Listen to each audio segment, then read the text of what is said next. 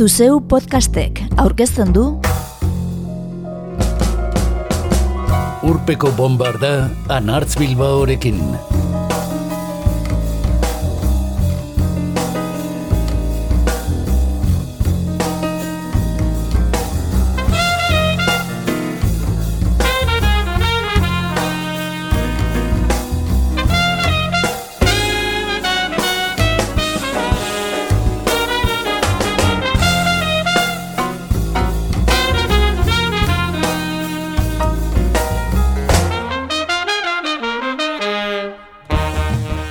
Urpeko bombardak ezoiko zaioa dakar gaur.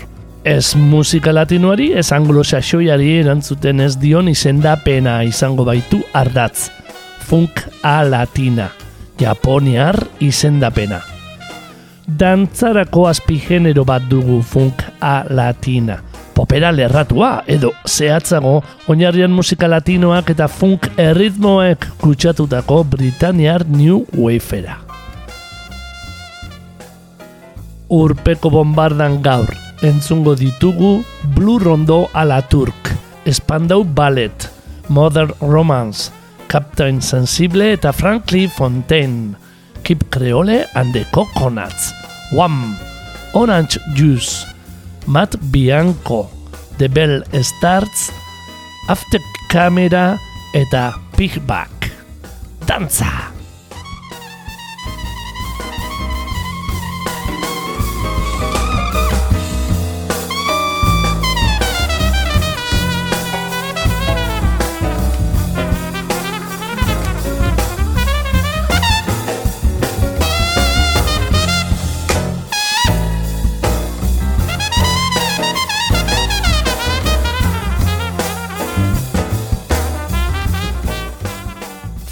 A latina subgenero edo izendapena jazz funkaren brit funk adarrarekin lotua dago.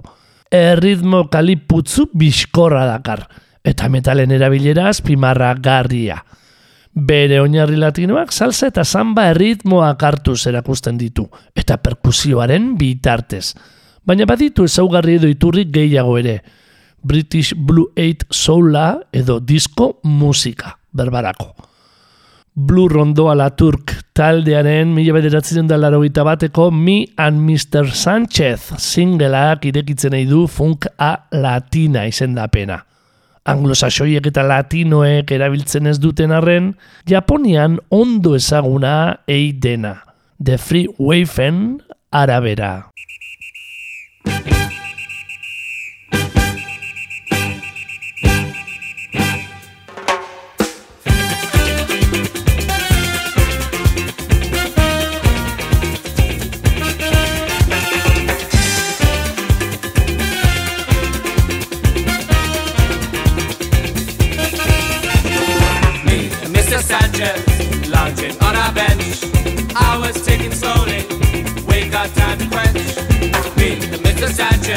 Just longing for a drink.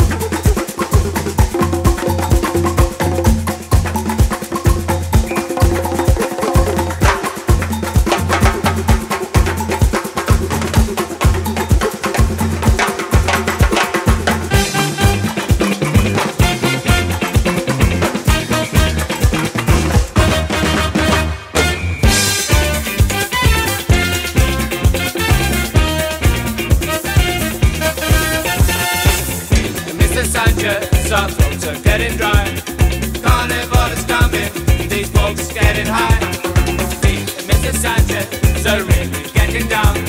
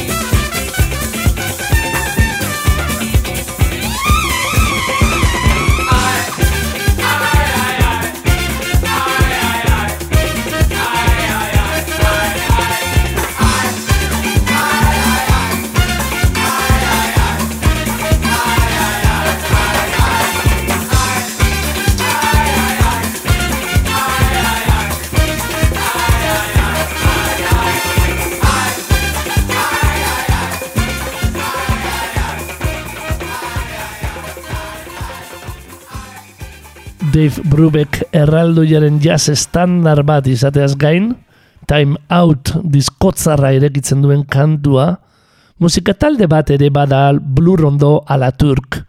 Laro geiko amarkadan Chris Sullivanek Britania handian sortua. Jazz eta salsa jotzen zuena. Bi arrakasta izan zituen taldeak. Mila bederatzen da laro biko Klaktovesenstein bata, eta urte aurreragoko Mi and Mr. Sánchez bestea. Entzun berri duguna. Blue Rondo ala Turk baino ezagunagoa da, edo izan zen Spandau Ballet, Tony Hadley eta Kemp Anaien taldea. True edo Gold bezalako kantuei esker. Guk entzungo duguna ordea, Kant number one, I don't need the pressure on dugu. Mila bederatzen da larogeita batean Diamond diskoan argitaratua. Londoneko taldearen bigarren lan luzean. Aipatu abestiarekin Gary Kemp taldeko kantu egileak Lebit Road kluba omendu nahi izan zuen. Bertan entzuten zen funk musika joz.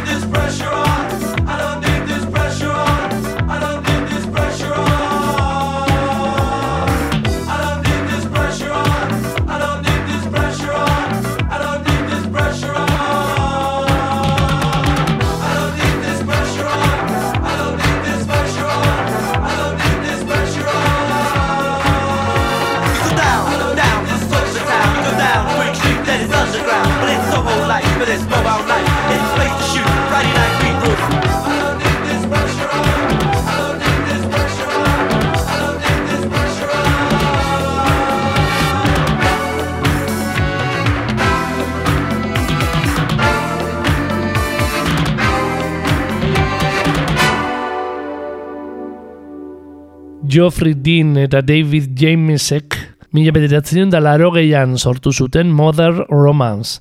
Punk parodia jorratzen zuen Leighton Buzzards taldea desegin ostean. Eta Britanian dian ezagun xamarrak bihurtu ziren. Arik eta larogeita bostean banatu ziren arte. Mila bederatzen da larogeita bateko Adventures in Club Band debut laneko Aiaiaiai Musi entzungo diogu Mother Romance taldeari. Everybody Salsa kantuarekin batera izan zuten arrakasta nagusienetako bat. Historia bitxia du kantuak. Joffrey Dean taldeko kideak musi izeneko taksi gidari turkiar batekin egindako apustua baitu oinarri. Ezetz idatzi kantu bat nire izenarekin. Xaxatu zuen antza taksi gidariak.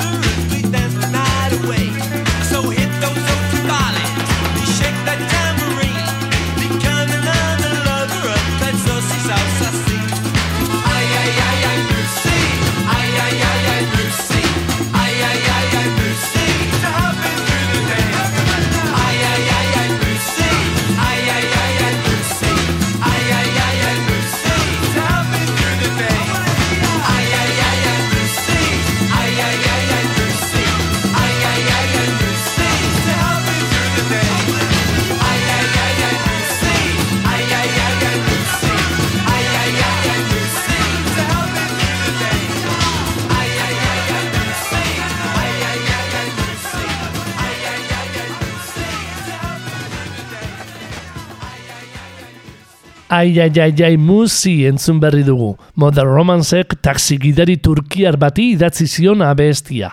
Eta bagoaz aurrerantz, The Danmet puntal dezaguneko kide izan zen Captain Sensible gitarra jolearekin. Boneta gorria buruan jantzita jotzen duena beti? Horixe. Kaptain Sensiblek mila bederatzen da irurogeita mazeitik, mila bederatzen da larogeita laura bitarte jo zuen gitarra The Danmet taldean, baina ordurako abiatua zuen bakarkako ibilbidea. Olatu berriarekin arrakasta erdietziz. What izan zuen garai hartako kanta entzutetzuena, Sugar Hill Ganghek inspiratua.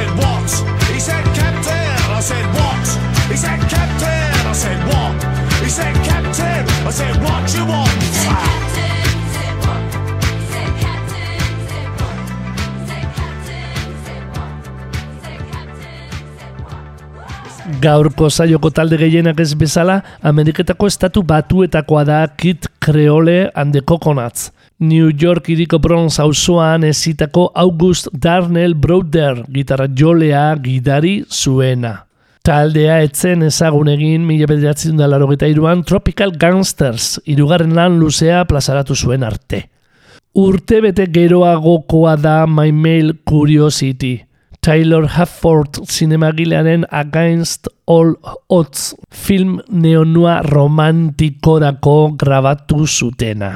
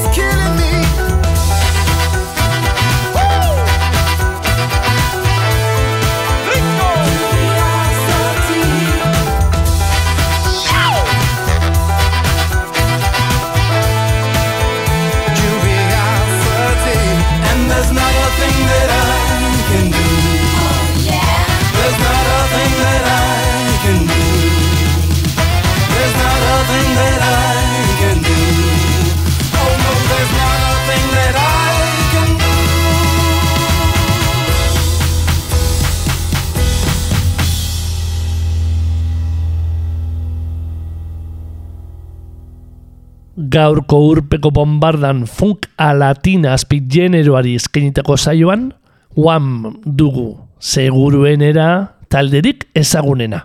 George Michaelek Andrew Wrigleyrekin osatu zuen bikotea.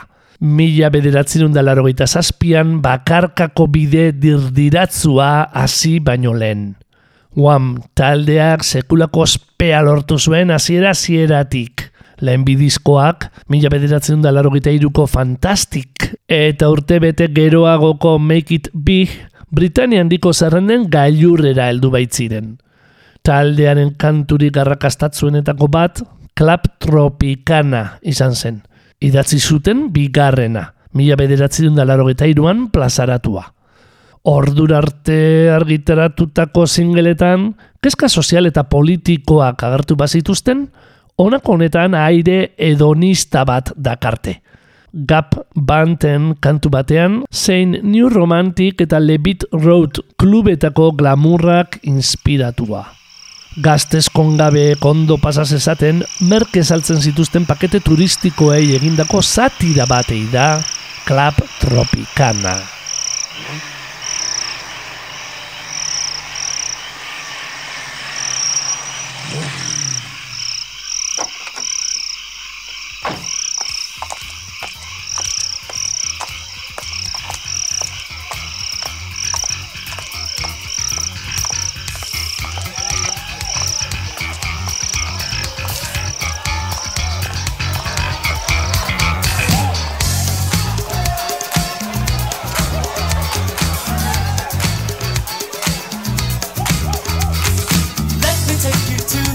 this world never ships a.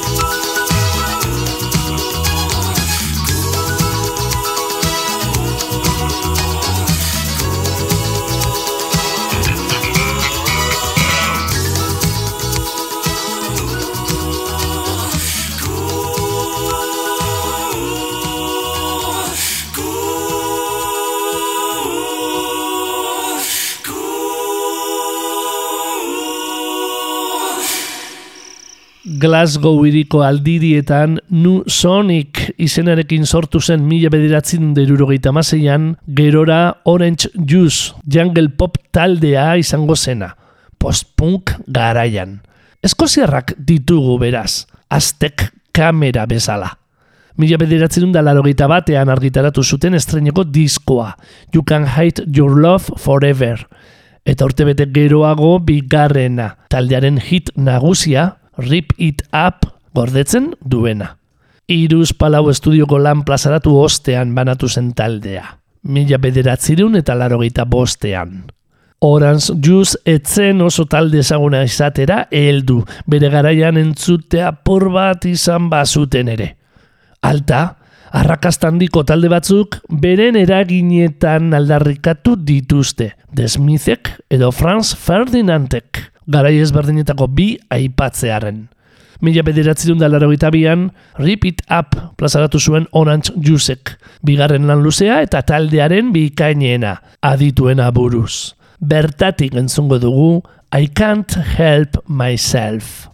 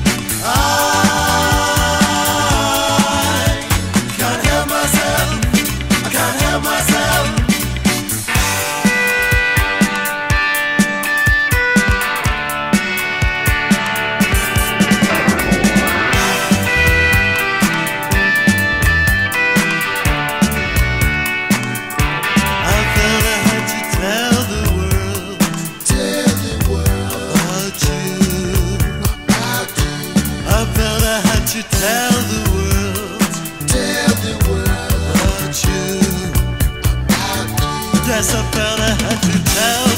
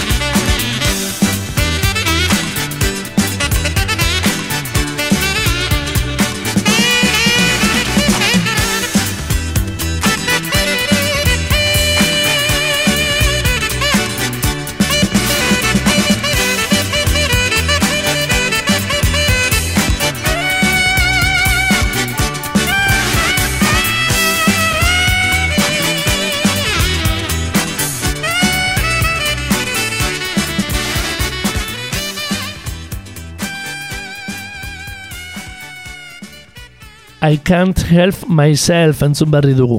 Oranz Jusena. Eta Matt Bianco entzungo dugu urrengo. Askok bakarlari bat dela pentsatuko dute. Baina ez, talde bat dugu, Matt Bianco. Mila bederatzi dut eta iruan sortua eta orain gutxira arte jardunean izan dena.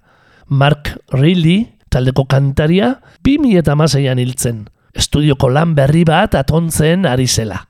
Mila bederatzi dut eta iruan sortua, taldeak latino zaporeko jazz musika lantzen egin zuen. Gaur entzun ditugun beste batzuk bezala, gehienek jazza baino popa jotzen badute ere. Taldearen astapenetan, kantaria izan ezik, gaurko saioa abiatzeko entzun dugun Blue Rondoa la Turk desegin berritik zetozen musikarik gehienak. Mila bederatzen eta larogeita lauan, Matt Biancok Whose Side Are You On debut lan argitaratu zuen. Europa osoan asko entzun zena.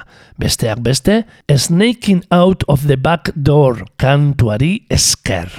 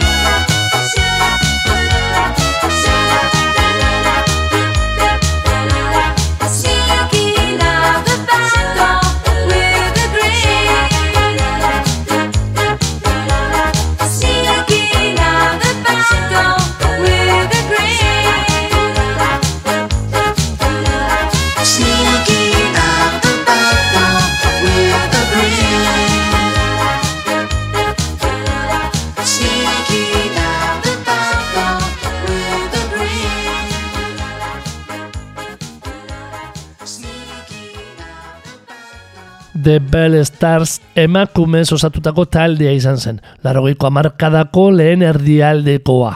Zazpikoteak lan luze bakarra plazaratu zuen. Steve Records itzaltzuan. mila bederatzen da larogeita iruko disko homonimoa. Eta zuzenean, besteak beste, The Clash taldearekin ere partekatu izan zuten oholtza. Askok One Hit Wonder ere izendatzen du The Bell Stars, arrakasta bakarra izan zuten taldeetakoa, alegia. Sign of the Times hitaz mintzo dira, jakina.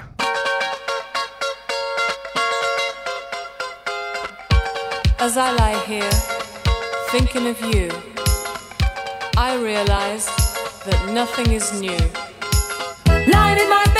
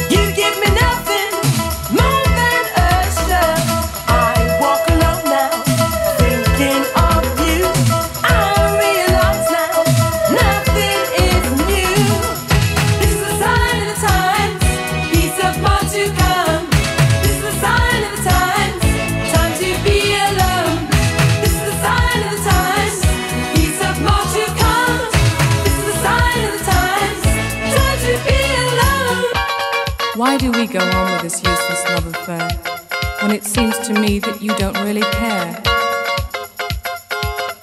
I realize now nothing is new. Time to live my life. Without you.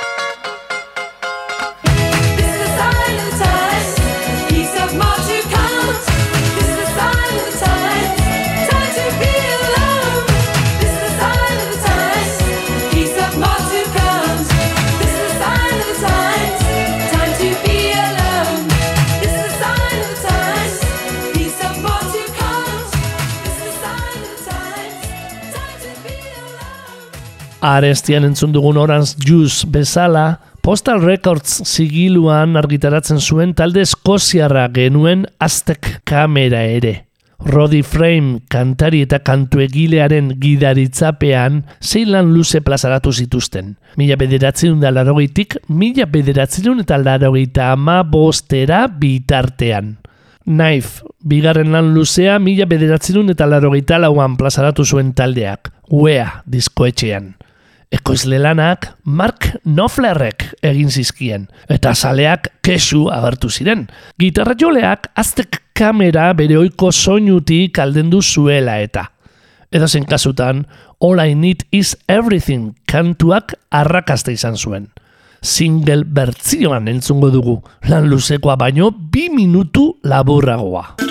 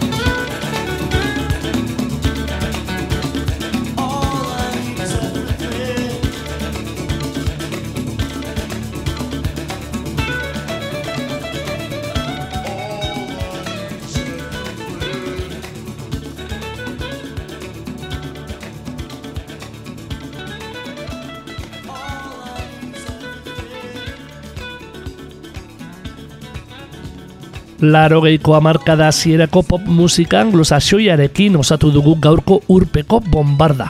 Metal eta perkusioen erabilerarekin latino kutzukoa, dantzara lerratua. Japonian, funk a latina deitzen omen dutena. Eta pig bag entzunez agurtuko duguna. Arrakastan dirik lortu ez bazuen ere, soinu propioa zuen pig bagek. Orain arte entzun dugunarekin alderatuta erabat ezberdina. Punk mugimenduaren barnean sortu ziren larogeiko amarkada hasieran. Eta jazz, funk, eska eta rigi zertzelarak zituzten instrumentalak jo. Metalak nagusi zirela. Kanturik ezagunena Papas Got a Brand New Pigback dute. Izenburuarekin hitz jokoa egiten duena James Brownen abesti ezagun batekin. Melodia, entzule, ezagun egingo zaizu. Besterik ez bada Madness taldeari entzuna izango diozulako. Papas Got a Brand New Pigback.